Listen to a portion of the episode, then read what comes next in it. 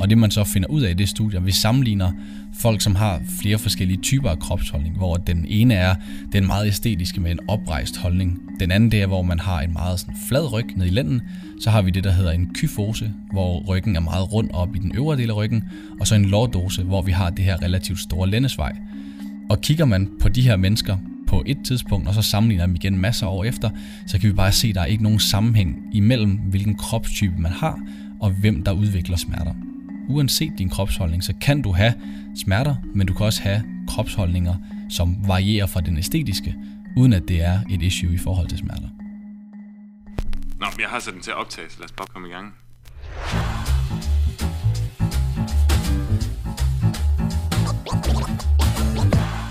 Velkommen til Smertesnak med Smertefri Bevægelse.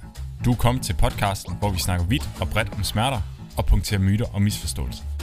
Podcasten er til dig, som døjer med længerevarende smerter, eller hjælper andre med at takle deres, og til dig, der gerne vil lære mere om smerters kompleksitet. Rigtig god fornøjelse med dagens episode.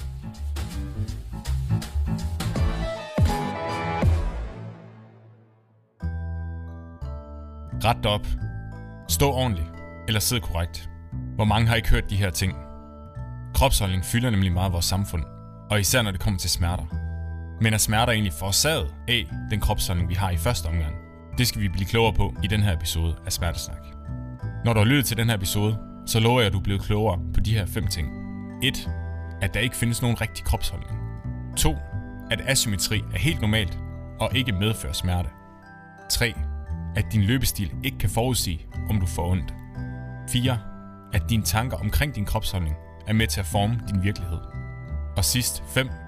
At kropsholdning, selvom det ikke har nogen betydning for smerter, godt kan have en betydning for din performance. Hej Patrick. Hej Martin. Velkommen i uh, podcaststudiet. Tak skal du have. Til uh, dagens episode, hvor vi skal mm. snakke om uh, holdning og smerter. Ja. Men inden vi kommer for godt i gang med den snak, kunne du så ikke lige tænke dig at introducere dig for vores lyttere? Jo, men jeg hedder, jeg hedder Patrick. Jeg kommer oprindeligt fra København. Så har jeg været en lille tur i Aalborg, for at læse min kandidat i idræt. Efterfølgende lille år tilbage i København, og nu bor jeg så her i Aarhus med min kæreste og mine to børn. Og ja, hvordan øh, er jeg kommet ind i alt det her med smerter? Jamen øh, til at starte med, så har jeg jo egentlig bare spillet fodbold, ligesom så mange andre har. Og der har jeg heldigvis været forskånet rigtig meget for slemmere skader, selvfølgelig vrikket om og så videre, men aldrig haft nogen sådan helt store problematikker, der har krævet nogle behandlinger. Øhm, indtil jeg på et tidspunkt øh, under en håndstand jeg rev min venstre skulder helt af led. Hvordan, hvordan, hvordan kommer man til at håndstand, når Jamen, man spiller fodbold? Man, ja, det var så fordi, jeg havde et, øh, et job i en fritidsklub ved siden af, hvor der var nogen, der lavede en masse gymnastik og så videre. Og når håndstanden så er på en arm, så er det svært at holde balancen. Det, det kan jeg godt forstå. Ja, så røg den lige en tur ud af led, og derfra har jeg så haft lidt bøvl med den. Lidt gener i forhold til, i forhold til fodbold, når man skulle lave indkast, eller hvis man faldt og, og slog sig, så kunne skulderen godt være lidt ekstra medtaget. Og så har jeg jo efterfølgende, som sagt, læst idræt, hvor jeg også har døjet en lille smule med, med skulderen. Men jeg tror, der hvor jeg selv har stiftet lidt bekendtskab med, med kropsholdning, det har netop været, da jeg var til session i militæret. Aldrig tænkt over min kropsholdning før, men der får jeg at vide, at jeg har holdningsanomali. Som så skulle være en unormal kropsholdning. Jeg aldrig tænkt over det, jeg har aldrig haft problemer med ryggen. Men det var åbenbart så vigtigt, at øh, ham, der var til ham lægen, der foretog sessionen, han øh, sagde, du kan slet ikke klare en tur i militæret det passer mig fint nok, for jeg havde ikke tænkt mig, at jeg egentlig skulle ind, så det var en nem måde at komme ud derfra. Så øh, ja, min vej ind her til smertefri bevægelse har jo så været, at jeg efter jeg læste øh, idræt på uni, gik og havde lidt forskellige jobs med undervis på noget personlig træneruddannelse, lavede sundhedstjek i virksomheder, og så havnede jeg af alle steder i Jørgen Kommune i et øh, koncept, hvor vi skulle hjælpe borgere på sygedagpenge og kontanthjælp med at komme tilbage til deres arbejde, blandt andet gennem træning. Og der læste jeg bogen, der hedder Explain Pain af Lorimer Mosley og David Butler, og den ændrede sådan lidt alle mine tanker om, hvad jeg skulle. Den gjorde det her med smerter meget, meget konkret, og det gjorde bare, at jeg tænkte, det er virkelig fascinerende.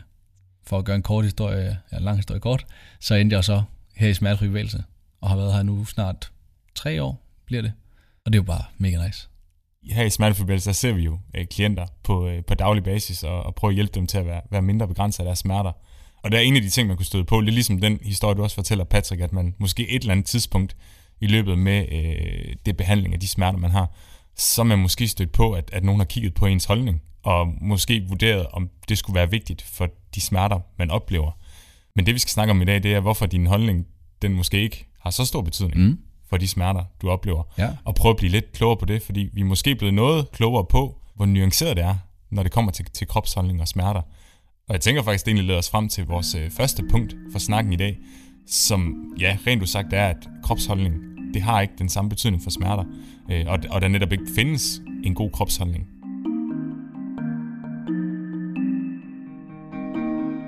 Hvis man kigger på kropsholdning generelt set, så er det noget, der har været i fokus i rigtig lang tid.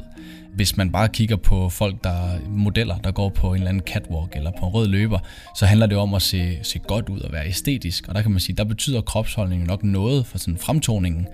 Men kigger man sådan generelt set på, hvor vigtigt er det egentlig at have en rigtig kropsholdning, så som du siger, så er der bare mange flere nuancer i det. Det kan have en betydning, men det kan bestemt også være noget, som vi ikke skal bekymre os så meget om. Altså, der har i hvert fald nok ikke den samme betydningsmetode, måske med en æstetisk ting, som du også selv er inde på, Patrick. Ja, lige præcis. Hvordan kan det være, at vi kom frem til den forståelse? Jamen, den er man jo kommet frem til gennem sådan flere veje. Øh, den ene er jo, hvis man bare kigger på 10 forskellige mennesker, så er der nok ikke nogen af dem, der har den samme kropsholdning. Øh, der vil være afvielser, så det er heller ikke noget, der er så vigtigt, at alle skal se ens ud, når vi bare fra naturens side alle sammen er, er meget forskellige. Man kan jo også se, at vi, vi har jo som sagt alle sammen forskellige kroppe, og derfor er det nok også vigtigt at kunne omfavne det, at vi alle sammen kan forskellige ting og ser forskellige ud. Ja, det, det tænker jeg giver, giver super god mening, i hvert fald bare den der erkendelse af, at vi ikke alle sammen ens som ja. mennesker. Selvom vi er samme art, så tror jeg da hurtigt, at folk, hvis de kigger på, eller i hvert fald bare tænker på dem, der omkreds, kan se, at, at, at folk de ser meget forskellige ud. En egen personlig anekdote, der nu øh, øh, har jeg jo læst til fysioterapeut, mm. og der når man starter på fysstudiet, så, så er det en af de første ting, vi bliver præsenteret for, det er, hvordan kigger man på folks holdninger. Ja. Og, og er en meget spændende øvelse, fordi bare på sådan et hold af 25 studerende, der ser man faktisk, at de ser meget, meget, meget forskellige ud. Og man måske, når man kigger på deres kropsholdning, finder noget, som man vil tænke vil se lidt for nogen unormalt ud. Ja. Men øh, det er ikke fordi alle på sådan et fyshold, de så faktisk har smerter. Nej, det er jo også tilbage til min egen historie før med den her holdningsanomali. Jeg har aldrig haft ondt i ryggen. Jeg har aldrig tænkt over det. Og som sagt, heldigvis har jeg også været forskånet for meget behandling, så derfor har jeg heller ikke fået at vide, at min kropsholdning var rigtig eller forkert. Men kigger man objektivt set på mig fra siden af, så har jeg også en relativt rund ryg, og mine skuldre er sådan lidt fremad. Så mange vil jo sige, puha, det, det er jo farligt, og du må have ondt i hele ryggen. Men øh, det er jo også noget, man faktisk øh, i forskningen har været omkring. Øhm, et eksempel kan være et sådan stort opsamlingsstudie, hvor man gennemgået 44 studier, og det man så finder ud af i det studie, vi sammenligner folk, som har flere forskellige typer af kropsholdning, hvor den ene er den meget æstetiske med en oprejst holdning, den anden det er, hvor man har en meget sådan flad ryg ned i lænden. Så har vi det, der hedder en kyfose, hvor ryggen er meget rund op i den øvre del af ryggen. Og så en lordose, hvor vi har det her relativt store lændesvej. Og kigger man på de her mennesker på et tidspunkt, og så sammenligner dem igen masser af år efter, så kan vi bare se, at der er ikke nogen sammenhæng imellem, hvilken kropstype man har, og hvem der udvikler smerter. Uanset din kropsholdning, så kan du have smerter, men du kan også have kropsholdninger, som varierer fra den æstetiske, uden at det er et issue i forhold til smerter. Og jeg tænker også en god overvejelse i forbindelse med det er, at øh, selv når man kigger på sådan et øjebliksbillede af de her kropsholdninger, som folk de har, mm. så er det vel ikke nødvendigvis den kropsholdning, de altid har. Er, Nej. er det rigtigt set, Patrick? Ja, 100 procent, og der er et rigtig godt eksempel. Det kan jo være sådan noget, hvis man skal til en eller anden form for jobsamtale, så vil de fleste jo nok komme ind med, med brystet løftet højt, og i hvert fald fremstå mere selvsikker. Der kan det selvfølgelig godt være et problem for fremtoningen, hvis man kommer ind sådan med sådan helt Quasimodo rundet ryg. Øhm, så i, i afhæng, alt afhængig af konteksten, så betyder det jo noget. Mm. Men bestemt, som du siger, det er jo ikke alt afgørende for, at vi altid skal rende rundt med den samme kropsholdning. Hvis I bare kigger på jer selv, når I sidder hjemme i sofaen og ser en film. Det skulle være underligt, hvis man ikke skifter position på et eller andet tidspunkt, mens den her film på halvanden to timer. Det ved jeg i hvert fald, jeg selv gør. Hver 10 minut skal man lige finde en eller anden mere behagelig position.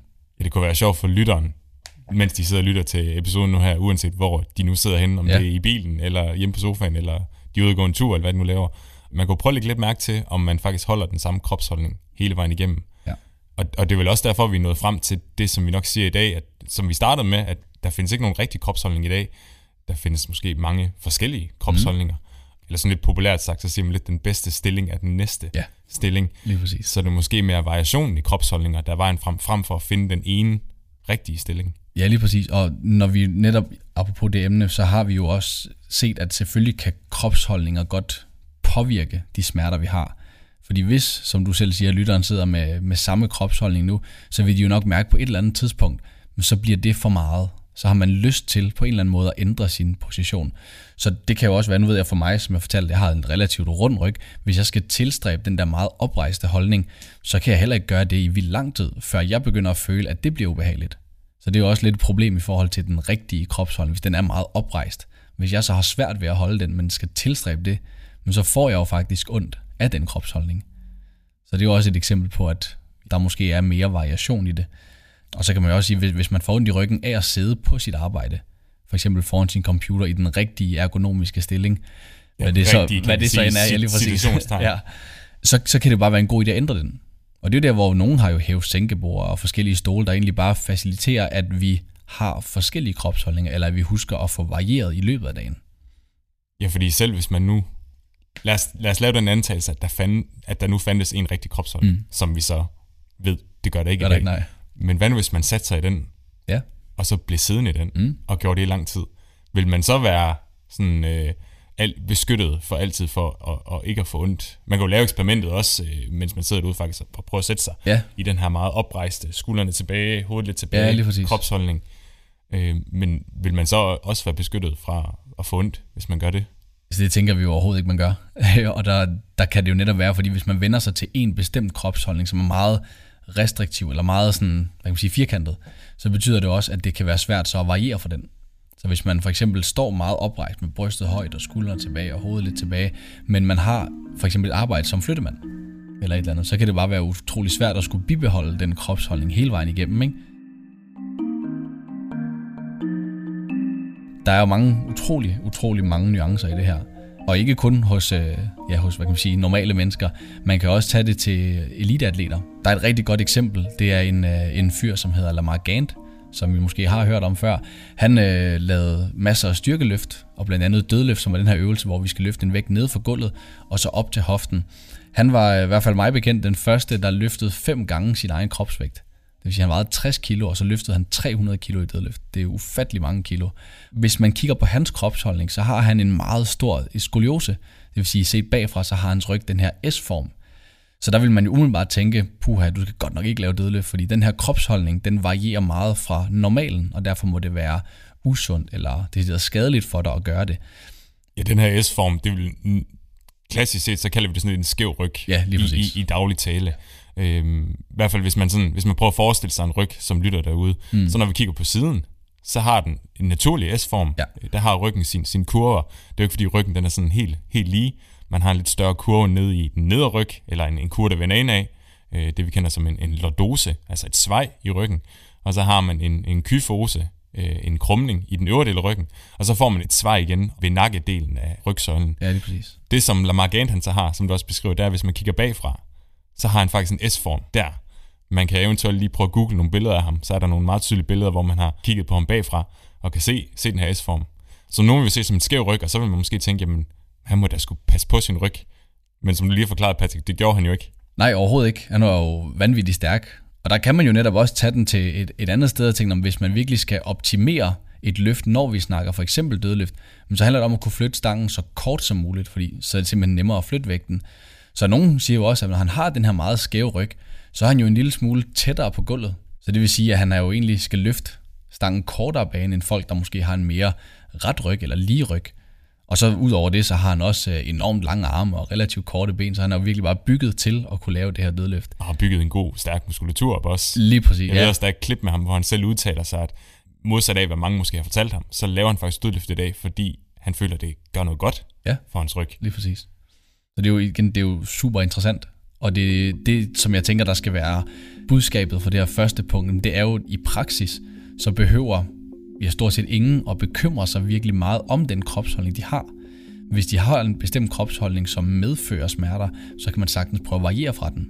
Men det her med at have billedet af, at man for altid er forkert, det skaber jo bare flere problemer.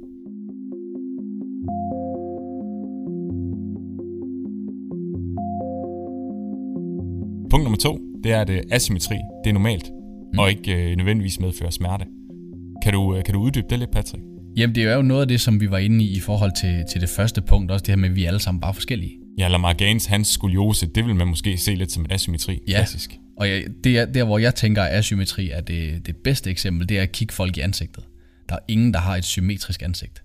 Alle har et øje, der hænger lidt længere ned, lidt til siden, en næse, der er lidt skæv, ører, der hænger lidt den ene eller den anden vej. Så asymmetri, det er jo normalen. Men igen falder det jo tilbage på det her lidt æstetiske, og hvis man kigger meget biomekanisk på kroppen, hvis man kigger i en, en lærebog, så ser man jo en krop, som er helt symmetrisk, og alle sådan, kropsdele er lige lange, og der er ikke noget, der sådan sidder forkert. Så selvfølgelig er det det, man sammenligner sig med, men så ser asymmetri jo skidt ud. Der er aldrig nogen, der ligner en anatomibog. Nej, nej, jeg har ikke set nogen endnu i hvert fald. Men alligevel, selvom at, at de her asymmetrier, de faktisk er så normale, så er det måske noget af det, man har prøvet at rette meget op, klassisk set, i behandling. Ja, det er jo en, en behandlingstype, i hvert fald kigger man meget på forskellige faggrupper, som har opgave til ligesom at rette den her kropsholdning op. Det kan være, at man har været hos en fysioterapeut, en kiropraktor, forskellige typer af behandlere, hvor der bliver lavet en eller anden form for visuel undersøgelse, hvor man kan se, at man kan sagtens se, at din skulder måske er lidt lavere, eller din ryg den er en lille smule skæv, eller dit ben, en ben længere end det andet, så er der mange af behandlerne nemlig tilegnet til, eller forsøger i hvert fald på at skulle rette op på de her skævheder. Og hvis man så tænker, at de smerter, man har, er på grund af den her skævhed, så giver det jo fornuftig mening at skulle rette op på det. Der findes dog flere problemer i forhold til det. Den ene er, at for det første så retter vi nok slet ikke op på noget som helst. Men igen, som vi snakkede om tidligere, hvis man har den der selvfortælling med, jeg er skæv, jeg er svag, jeg er skrøbelig, så betyder det jo også, at så må man jo ikke rigtig gøre noget, og man kan blive bange for at bruge sin krop. Og så igen kan det så på sigt skabe en eller anden form for afhængighedsforhold, hvis man føler, at jeg er hele tiden nødt til at opsøge min behandler for at blive sat på plads, eller for at blive løsnet op, eller hvad man ellers kunne bruge af begreber der. Jeg er ikke nok med, at man nogle gange prøver, hvis man så har ondt, at kigge efter de asymmetrier, så tage dem og fikse. Nu siger jeg fikse i situationstegn, ja. fordi som du selv lige inde på, det kan vi nok ikke fikse. Så nogen måske også tænke, hvis nu jeg, i hvert fald det man selv har oplevet, er, at man har de her asymmetrier, er det sådan noget, man skal sørge for at tage fat på, som man ikke får ondt i fremtiden? Nej, det, det, det er det korte svar. Det er det korte svar. Ja, jamen det, der er jo ikke rigtig noget, der, der tyder på, at det er en, en holdbar behandlingsmetode, fordi igen kan vi jo se, at der er rigtig mange andre personer, som har kæmpe store asymmetrier. Og et andet rigtig, rigtig godt eksempel, det er, hvis man nogensinde har set paralympiske lege, der er asymmetri jo et, et vilkår for mange af dem, fordi hvis du mangler et ben, så er det svært at være symmetrisk. Så de kan jo stadig højst sandsynligt løbe hurtigere end de fleste af os, de kan. Så på trods af den her asymmetri, så kan de jo træne sig op til enormt gode ting. Og der tænker jeg også, at en af de vigtige budskaber netop er, at vores krop kan tilpasse sig. Og det er uanset om vi er født med en, øh, en, øh, en asymmetrisk krop, eller om vi har fået den, fordi vi for eksempel har fået amputeret et ben eller noget. Det jeg i hvert fald hørt dig sige, Patrick, det er, at det er bare nogle positive tilpasninger, som, som kroppen den så faktisk laver. Og man har måske også oplevet, at hvis man prøver at fikse asymmetrier, at hvis ikke man havde ondt i forvejen, så kan man måske få ondt på grund af det. Fordi kroppen har faktisk tilpasset sig til de, jeg plejer gerne at kalde lidt de skønne skævheder. Ja, lige præcis. Fordi ja. det er helt normalt, og vi er ikke bygget til at, at skulle være helt, helt symmetrisk. Og det behøver jo heller ikke at begrænse os for at faktisk blive nogle af, af verdens bedste inden for ens idræt. Jeg tænker, et andet godt eksempel, som jeg også ved, du kender til, Patrick, det med uh, Usain Bolt, som mange nok vil se som uh, verdens klasse atlet, den hurtigste mand på jorden, som vi kender. Mm. Men han var også skæv. Ja, og meget skæv, kan man sige. Og nu nævnte vi Lamar Gane med den her skoliose før. Usain Bolt, han har også en skoliose, den her skæve ryg. Og det han så også har, det er også, at han har en benlængdeforskel, som også er noget, rigtig mange har fået at vide. Det er simpelthen farligt, hvis du har benlængdeforskel. Usain Bolts ene ben, det er 1,2 cm længere end det andet ben. Og det er faktisk noget, som hvis man kigger på noget af det data, der er lavet fra han løber, så kan man tydeligt se, at han løber længere på det ene ben. Hans skridt er simpelthen længere på det ene ben, end på det andet ben. Så der kunne man forestille sig, at han jo burde løbe i ring, hvis han fortsætter lang tid nok. Ikke? Men igen ser vi jo, at han har jo verdensrekorden på både 100 og 200 meter, og er jo en gudsbenået atlet. Men igen, nu har vi jo igen snakket meget om eliteatleter. Et andet punkt, jeg synes, der er meget interessant, det er netop, at hvis vi, hvis vi tænker, at vi har en eller anden bestemt kropsholdning, så er det jo højst sandsynligt noget, vi er født med. Det er meget sjældent, at man går igennem sine øh, 20'ere, og så lige pludselig får en kropsholdning, der er anderledes. Men det er jo de færreste folk, som for eksempel har en skæv ryg, som har haft smerter hele livet. Så det vil jo også være underligt, hvis man har en, en asymmetrisk krop, som lige pludselig begynder at udvikle smerter, at det så skulle være kropsholdningens skyld. Og der kan det jo selvfølgelig være svært at ændre på den her kropsholdning, hvis det er, at man har haft den hele livet igennem. Så man skal nok kigge i, at om der er nogle andre bidragende faktorer til sine smerter. Og der kan jeg kun opfordre lytteren til også at, at lytte til nogle af vores, vores andre afsnit, hvor vi dykker meget mere ned i, i kompleksiteten omkring smerter. Mm. Øh, fordi vi kan ikke kun øh, sige, at det, det skyldes øh, asymmetrier eller øh, dårlig holdning. Øh, der, er, der er mange, mange andre øh, faktorer i spil der, og som jo er nemmere at ændre på end ens kropsholdning. Ja, helt klart. Du nævnte øh, Usain Bolt og hans benlængde forskel. Jeg kunne ikke andet tænke på, at det er jo også meget normalt mm. i den almindelige befolkning ja. at have benlængde forskel. Jeg ved, man har lavet undersøgelser, hvor man kigger på øh, brede grupper af mennesker. Så kigger man både på folk, der har forskellige højder og drøjde og forskellige alder. Og når man kigger så bredt, så kan man faktisk godt tage de her store grupper og så sige, at så må det nok gælde for, for stort set de fleste mennesker. Og der kan jeg da huske, at nogle af de undersøgelser, man har kigget på, der, der ser man faktisk, at 90% af alle, man undersøger, de har benlængde forskel. Det, det betyder faktisk, at lige pludselig så er det unormalt ikke at have en benlængde forskel. Ja. Det, det synes jeg, det er jo meget tankevækkende. Ja. Så opsummeringen bliver jo nok på det her netop, at hvis du ikke har asymmetri, så er du, så er du nærmest, nærmest unormalt. Så det er meget normalt at have de her, igen, jeg kalder dem de skønne, skønne skævheder. Mm. Det, er, det er simpelthen bare en del af at være menneske. Ja. Konklusionen på det her punkt, det bliver jo simpelthen bare igen, bekymring behøver man ikke at have så meget af, når det kommer til krop og kropsholdning generelt set. Lad det være, øh, være ordene for, øh, for punkt nummer to.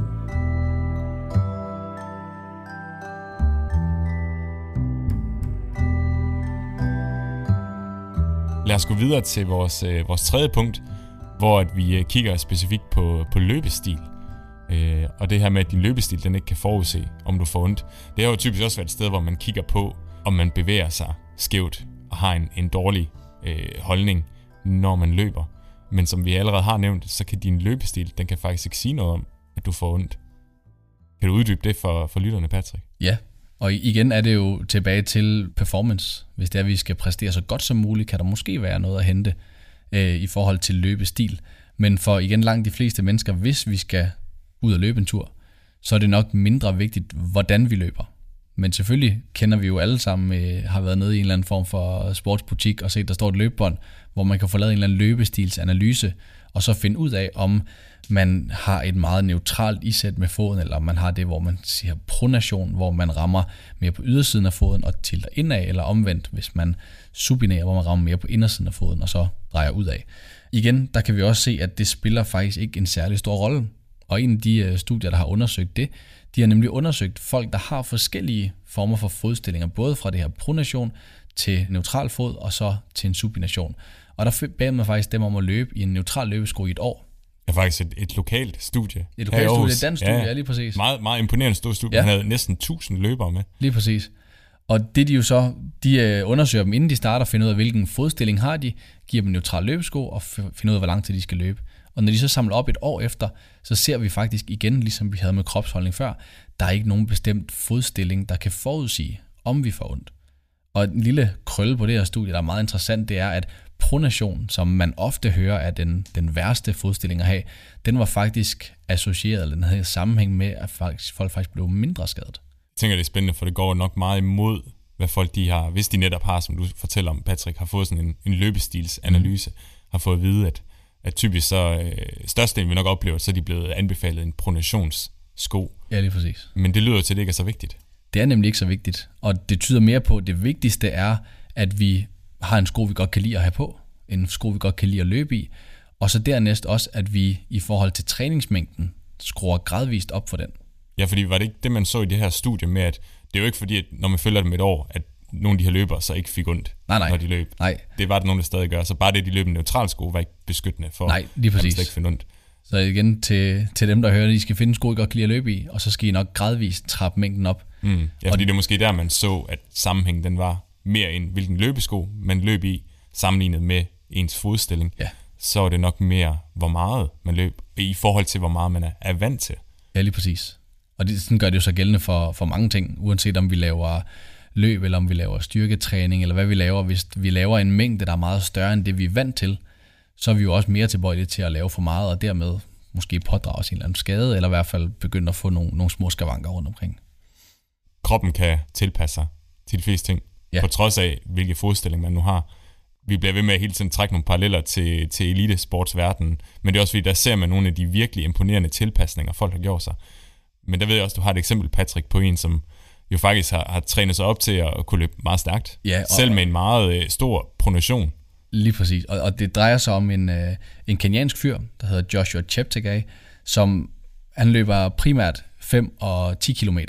Når han løber, så ligner det simpelthen, at indersiden af hans ankel er ved at ramme jorden. Han har så meget pronation, at man tænker, at det her det kan simpelthen ikke være effektivt, når han ligner, løber. han er ved at træde sin sko. Det ligner Han- faktisk, at han taber skoen hver eneste gang, han tager et skridt. Øhm, på trods af det, så har han formået at løbe en 10 km på 26 minutter og 11 sekunder. Og det er jo hurtigere, end mange folk løber en 5 km. Fuldstændig. Så han har virkelig, virkelig fart på. Jeg ved ikke i forhold til hans øh, scenarie, om nogen har prøvet at ændre på det, men tager man fat i nogen, der har sådan en meget hardcore biomekanisk tænkning, kunne man jo forestille sig, at de vil tænke, "Men hvis vi kan få rettet op på den her teknik, så må han jo være mere effektiv, fordi der er mindre kraft, der går tabt. Men det, det tvivler simpelthen på, at han kan løbe meget hurtigere end 26 minutter og 11 sekunder på en 10 km. Jeg tror ikke, man får lov til at prøve at ændre noget på hans løbestil. Det tror jeg heller ikke. Når han løber så stærkt, Nej. som han, øh, han gør i forvejen. Øh, Det vil i hvert fald noget at sats. Ja, og det er, jo, det er jo igen et godt eksempel på, at man kan præstere på aller, aller højeste niveau med relativt store asymmetrier og forskel i kropsholdning. Så det betyder nok også bare, hvis man som helt almen person føler, man har en eller anden form for afvielse i sin kropsholdning eller noget, så igen er det nok ikke noget, man behøver at bekymre sig så meget om.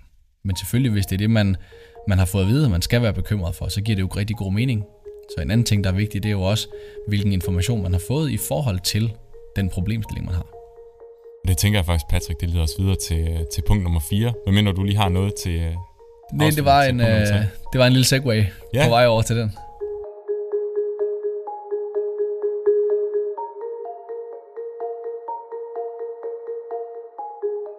Vi tager fat i, øh, i punkt nummer 4, hvor vi begynder at, at, at kigge lidt andre steder hen ind øh, på kropsholdningen, når vi skal finde årsager til smerter, og kigger lidt mere nuanceret på smerterne. Og det er blandt andet, hvordan at, at ens tanker og ens tanker omkring ens, hop, ens, øh, ens kropsholdning mm. øh, kan være med til at påvirke ens smerter. Hvor vores punkt nu her, det er, jamen, at dine tanker det er med til at, at forme din virkelighed. Hvad mener vi, når vi, øh, når vi siger det? Ja, igen er det nok nemmere at starte øh, med et lille tilbageblik på, at man førhen har troet, at smerte var en meget kropslig oplevelse. At der var nødt til at være noget galt i vores krop, før vi oplevede smerter. Øhm, der har vi også et fremragende afsnit om øh, smertens historie, der er kogt ned, som jeg tænker giver rigtig god mening at høre, for det her giver bedre mening. Der er så mange bidragsydere til, hvorfor vi kan få ondt. Det kropslige, det vil sige, hvis der har været en skade, eller vi har brækket en knogle eller noget, selvfølgelig kan det spille en rolle. Men noget af det, der er mere vigtigt, som du netop siger, Martin, i forhold til, at vores tanker kan for, øh, forme vores virkelighed, så eksemplet her kan jo netop være, hvis vi får at vide, at den måde, vi ser ud på fra naturens side, er forkert, så påvirker det bare rigtig mange andre ting. Det betyder jo så, at man siger, så kan jeg ikke dyrke den sport, jeg gerne vil, eller så kan jeg ikke engang tillade mig at stå op i længere tid, fordi at jeg har en forkert kropsholdning, eller jeg står skævt på mine fødder, eller forskellige andre ting. Så her handler det nemlig om, at de tanker, vi har, gerne skal begrænse os mindst muligt i forhold til smerterne. Altså jeg tænker, lytteren kunne jo prøve at forestille sig ud, hvis de direkte får fortalt, at noget af det, de gør, det er forkert. Hvilken følelse det så efterlader den med. Og, og for mig personligt, der vil jeg tænke, det vil gøre mig mindre tryg Ja. ved det, jeg egentlig gør. Øh, hvis man nu for eksempel får fortalt, at ens kropsholdning den er forkert, øh, at man så bliver mindre tryg ved at, at, at bruge sin krop. Mm. Og, og hvad er det så, det kan føre til? Men det kan jo så føre til, at vi undgår at bruge vores, vores krop i mange forskellige henseender. Og det er jo nogle af de eksempler, som vi ser rigtig, rigtig tit øh, med vores klienter. Det er jo, nu kan jeg jo ikke sige halvdelen, men der er mange af de klienter, vi får ind, som har det her med, at de har undgået at lave rigtig meget aktivitet, som de gerne vil, netop på grund af deres kropsholdning eller på grund af andre ting. Det vi faktisk ser, der er super interessant, det er, at mange af de klienter, vi har haft inde, som har ondt i ryggen, har jo netop fået at vide, du må ikke bukke dig for, du må ikke samle noget op med bukket ryg, fordi det kan din krop ikke holde til. Og det, som jeg i hvert fald ser i mange af mine klienter, og jeg tænker, du har haft samme oplevelse, Martin, det er, at Bestemt. nogle af dem faktisk i det, de får lov, for det første får at vide, du må gerne løfte med bukryg, det er ikke farligt i sig selv, men efterfølgende faktisk laver en øvelse, hvor de krummer rigtig meget i ryggen, som sådan hedder et Jefferson curl, så finder de ud af, at det faktisk kan være rart. Så det der med at afvige rigtig meget fra den der korrekte kropsholdning, som de har fået fortalt igennem rigtig mange år, det kan for det første give en frihed. Men ofte så åbner det også bare op for en følelse af, men hvis det her kan føles rart, så er det meget usandsynligt, at vi gør noget forkert. Det tror jeg, de fleste de kan forholde sig til, at netop hvis det er noget, der føles rart, hvorfor skulle man så tænke, at det skulle være forkert Ja, lige at gøre det? Så det er nogle gange ikke at have opsat de her sådan faste regler for en, men være lidt nysgerrig på, hvad kan kroppen egentlig, og mm. finde ud af, at det er ikke nødvendigvis så farligt. øh, og, og, og, og bevæge sig selv med, med, med de her forskellige skævheder eller asymmetrier, som man kan have. Ja, der, der har vi netop også et begreb, vi bruger ofte, som er det her, der hedder øh, sådan komfortzonen. Så selvfølgelig, det er en komfortzone, det er noget, vi, de fleste af os kender til, hvis vi ikke er vant til at skulle præstere, hvis vi skal til eksamen, så kan vi godt nok mærke, at vi begynder lidt at svede, så vi kommer meget ud af vores komfortzone. Det samme eksempel kan vi se i forhold til bevægelse. Så hvis vi har lavet, haft en kropsholdning, som har været meget sådan stiv i det, fordi vi får at vide, at vi ikke må bruge den til så meget, så betyder det, at vores komfortzone bliver relativt lille, for det er det eneste, vi vender os til. Så lige snart vi skal ud af den bevægelse, ud af vores komfortzone, for for eksempel at samle et par nøgler op for gulvet, så kan det medføre smerter. Og for rigtig mange, så har de det med så at trække sig tilbage i komfortzonen. Men som vi snakkede om tidligere, så kan kroppen jo tilpasse sig til enormt mange ting. Så her handler det nemlig også om at være nysgerrig og prøve at udfordre den her komfortzone. Så det kan være, hvis man gerne vil blive bedre til at bukke sig for, og hvis lytteren sidder for eksempel og har ondt i ryggen, at man så starter med for eksempel siddende på en stol og ser, om man kan komme ned og røre sine skinneben. Og efterfølgende kommer ned måske og kunne røre tæerne. Kan rejse sig op bagefter, og så se, kan man løfte noget op fra køkkenbordet, kan man løfte det fra en stol, og kan man så gradvist gå længere og længere ned. Og der vil vi jo helt klart mene, at finder man den rigtige mængde af det, men så er der ikke noget, der står i vejen for, at vi kan komme til at løfte alt det, vi har behov for fra gulv. Så nøgleordet her, det bliver at, at gradvist udfordre nogle af de ting, man længe ikke har gjort, øh, på grund af de her forhindrende tanker omkring, at det er farligt at bevæge sig med den kropsholdning, man nu har. Ja, øh, men at, at stille og roligt øh, udfordre det, og gøre det i en ligesom et omfang, hvor man også føler sig tryg mm. i den proces. Øh, og der kan man måske starte med, i det eksempel, som du også siger, Patrick, med at øh, siddende begynder at bare bukse lidt forover. Ja, og det er, jo, og det, er jo en, det er jo en position, som vi jo ikke kan undgå i vores dagligdag. Hvis man får at vide, at du må ikke bukke dig forover, så har vi jo tanken om, at det må aldrig nogensinde ske. Men jeg tror ikke, at der er nogen, der på en hel dag kan undgå at bukke sig forover. Altså, når man sidder ved spisebordet og spiser, så skal man højst sandsynligt lige bukke sig lidt for at række ind over bordet. Står man og vasker op, er man også nødt til at bukke sig lidt forover, så bare en bevægelse, vi ikke kan undgå. Hvilket også derfor gør det endnu mere ærgerligt, hvis vi får at vide, at vi skal gå og frygte den bevægelse. Nu øh, kan jeg jo rigtig godt lide øh, film. Ja. Og jeg kan så godt lide øh, superheltefilm mm. eller Star Wars-universet. Ja. Og hvis man kender lidt til Star Wars, så kan man forestille sig lidt øh, C-3PO, den her robot. R2-D2, where are you? At last. Where have you been? How did we get into this mess? Han bevæger sig meget stift. Og, og det er jo ikke sådan, mennesker bevæger sig. Nej. Det er derfor, C-3PO er en robot. Lige præcis. Så i stedet for at bevæge sig lidt som, som han gør, ja. så vil vi måske gerne bevæge os lidt mere flydende. Ja. Det kunne være lidt ligesom Jedi'erne de i Star kan Wars. i hvert fald bevæge sig godt. Og bevæge sig lidt mere flydende. Ja. Øh, fordi mennesker er jo ikke skabt til at, at, at bevæge sig helt robotagtigt. Som du selv siger, Patrick, vi kan ikke undgå at, at, at skulle bukke os lidt forover.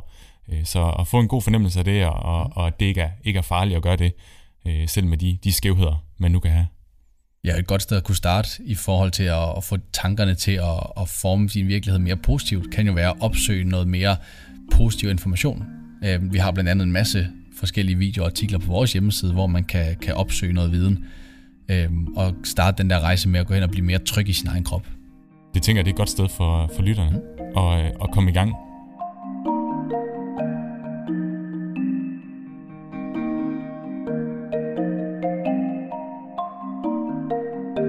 Går videre til øh, vores øh, sidste punkt på dagsordenen i dag, som er punkt nummer 5, hvor vi skal snakke lidt om, øh, hvornår kropsholdning måske kan være vigtigt. Fordi nu vi snakker om i hvert fald, når det kommer til smerter, så har det nok ikke den betydning, som vi øh, historisk, eller faktisk i en eller anden omfang stadig i dag, giver den. Mm. Øh, men det betyder jo ikke så, at, at kropsholdning aldrig kan være vigtigt. Der er måske nogle ting, vi kan bruge den til. Nu ved jeg, at vi har, vi har taget de her eksempler med forskellige atleter, som på trods af deres skævheder faktisk performer rigtig godt. Men der er der nogle gange, hvor man ser, at man kan ændre på den måde, man bevæger sig på, og det så kan gøre, at man kan, kan yde bedre. Ja, og den, det er jo en, en af de tanker, som igen stammer lidt øh, fra træningsmiljøet, som både du og jeg har været en, en del af i længere tid, hvor der hører man jo tit, hvis man laver et squat, så handler det om at have hele foden i gulvet, knæene skal følge tæerne, og ryggen skal være ret. Og det er jo nogle fokuspunkter, som er meget generelle, om, som for de fleste kan fungere relativt godt. Men når vi jo alle sammen har forskellige kropsholdning, så tyder det nok også på, at de her meget generelle råd på et eller andet tidspunkt måske ikke passer særlig godt til alle. I stedet for skal vi måske også kigge lidt hen til, at der skal vi også tillade noget forskellige, hvad kan man sige, afvielse i de her bevægemønstre. Så her er det forskellen på, om kropsholdning har betydning for smerter, eller om det har betydning for præstation. Når spørgsmålet går på, hvordan kan vi løfte flest mulige kilo, kan det være en god idé at have en bestemt kropsholdning. Ikke en, der er rigtig for alle, men at vi netop alle sammen finder frem til den kropsholdning, der kan være mest effektiv for os selv. Ja, så det, det egentlig bare skulle gøre, det var, at man var lidt mere nysgerrig på ja. det. Og i stedet for, at det er nogle faste principper, der så skulle være rigtige for alle, så prøver man at eksperimentere lidt og finde ud af, hvordan føler jeg egentlig, jeg bevæger mig bedst, fordi måske det kan betyde, at man kan, hvis det er det, man gerne vil løfte nogle flere kilo eksempelvis. Ja, og det er også noget, jeg har prøvet på egen krop, tilbage igen til min øh, ikke så prangende kropsholdning, så tyder det netop også på, øh, for mig i hvert fald, at hvis jeg skal lave et squat eller et dødløft, så det her med at holde ryggen meget, meget ret, det er enormt hårdt for mig. Hvis jeg hele tiden prøver at tilstræbe, at den skal være så ret som muligt, så betyder det bare, at jeg bruger flere kræfter på det, end på at prøve at løfte den her vægtstang. Så for mig har det hjulpet enormt meget at være lidt mere afslappet, når jeg laver løftet. Ikke tænke så meget på at skulle have en rigtig kropsholdning, men mere tænke på at kunne løfte vægten så effektivt som muligt. Så få lidt den her tillid tilbage til, mm. hvor robust kroppen den faktisk egentlig også er, og hvordan at øh, når smerte fungerer godt, faktisk er et godt alarmsystem for os, øh, og, og til at lade os guide af, hvor, hvordan vi bevæger os, fordi som du har eksperimenteret lidt med, og fundet ud af, jamen der er ikke noget ubehag ved det, modsat, så vil det være mere ubehageligt for dig at, at, at, at følge de her generelle retningslinjer.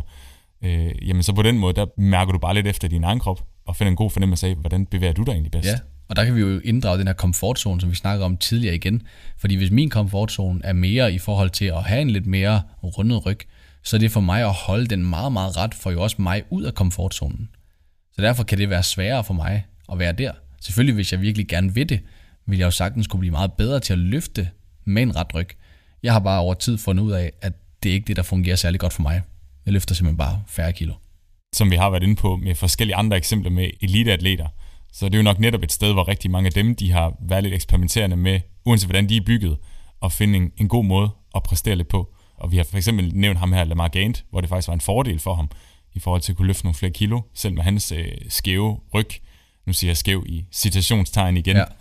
Det ved jeg, det har du også nogle eksempler på med andre atleter. Ja, der, der er en af de rigtig gode eksempler. Det er netop i forhold til Michael Phelps, som mange af jer måske kender til, øh, amerikansk svømmer, som har vundet 28 guldmedaljer. Ja, han er ikke den mest, mest vindende OL-deltager nogensinde. Ja, 28 medaljer i alt til OL, og han er den mest vindende OL-atlet nogensinde. Og kigger man på ham fra siden af, så har han jo stort set alle de ting, som mange vil sige, som er forkert. Han har et hoved, som stikker meget langt frem, som man nogen vil kalde forward head posture, som også er noget, man måske kan prøve at ændre på, så har han meget, meget fremadskudte skuldre, som åbenbart hedder swimmer's shoulders. Det begreb kendte jeg ikke til, det fandt jeg så lige ud af. Ja, det lyder nærmest som, det er en fordel faktisk at have det, når man er Ja, lige swimmer. præcis. Og oven i købet, så har han jo også en meget, meget rundet øvre ryg. Så det betyder bare, at for eksempel, når vi snakker crawl, eller når vi snakker butterfly svømning, så er han jo bare i en position, der er meget mere fordelagtig til at få trukket så meget som muligt fremad. Så i, det, i de tilfælde, så er det jo for ham en kæmpe fordel hvor det måske for andre kan være en ulempe, fordi de måske er mere oprejst, så kan det være sværere at generere lige så meget kraft i vandet. Så der er jo enormt mange eliteatleter, som har de her variationer. Og det er jo nok fordi, at alle mennesker bare har de variationer. Nogle har det mere eller mindre end andet, eller end andre, men det vigtigste er jo bare, at vi ikke lader os begrænse af det, og at vi ikke går helt i baglås, fordi vi får at vide, at vi har en skæv krop eller en dårlig kropsholdning. Ja, og mere en opfordring til at, at finde ud af, hvordan føler du, du bevæger dig bedst? Øh, og føler, at du kan præstere bedre, fordi øh, det skulle være med det formål, man vil prøve at ændre sin, sin kropsholdning, øh, mere end øh, hvad det skulle kunne gøre for ens smerter, fordi mm. som sagt, der kan vi se, det har ikke, det har ikke den store sammenhæng der. Tak fordi du lyttede med til den episode af Smertesnak med smertefri bevægelse. Hvis du skal tage noget med for den her episode, så er det især, at vi alle har forskellige kropsholdninger, og at det er helt okay. På trods af de her skønne skævheder, jamen, så kan kroppen faktisk tilpasse sig til alt, så længe man gradvist træner sig op til det. Smerte det er nemlig meget komplekst, og vi kan ikke altid reducere det til, at det skulle handle om, hvilken kropsholdning man har. Vi kan nemlig se, at der er folk med meget forskellige kropsholdninger, som både har ondt og som ikke har ondt. Du skal derfor ikke lade dig begrænse af, hvis du har fået at du har en dårlig kropsholdning, benlængdeforskel eller andre af de her strukturelle afvielser.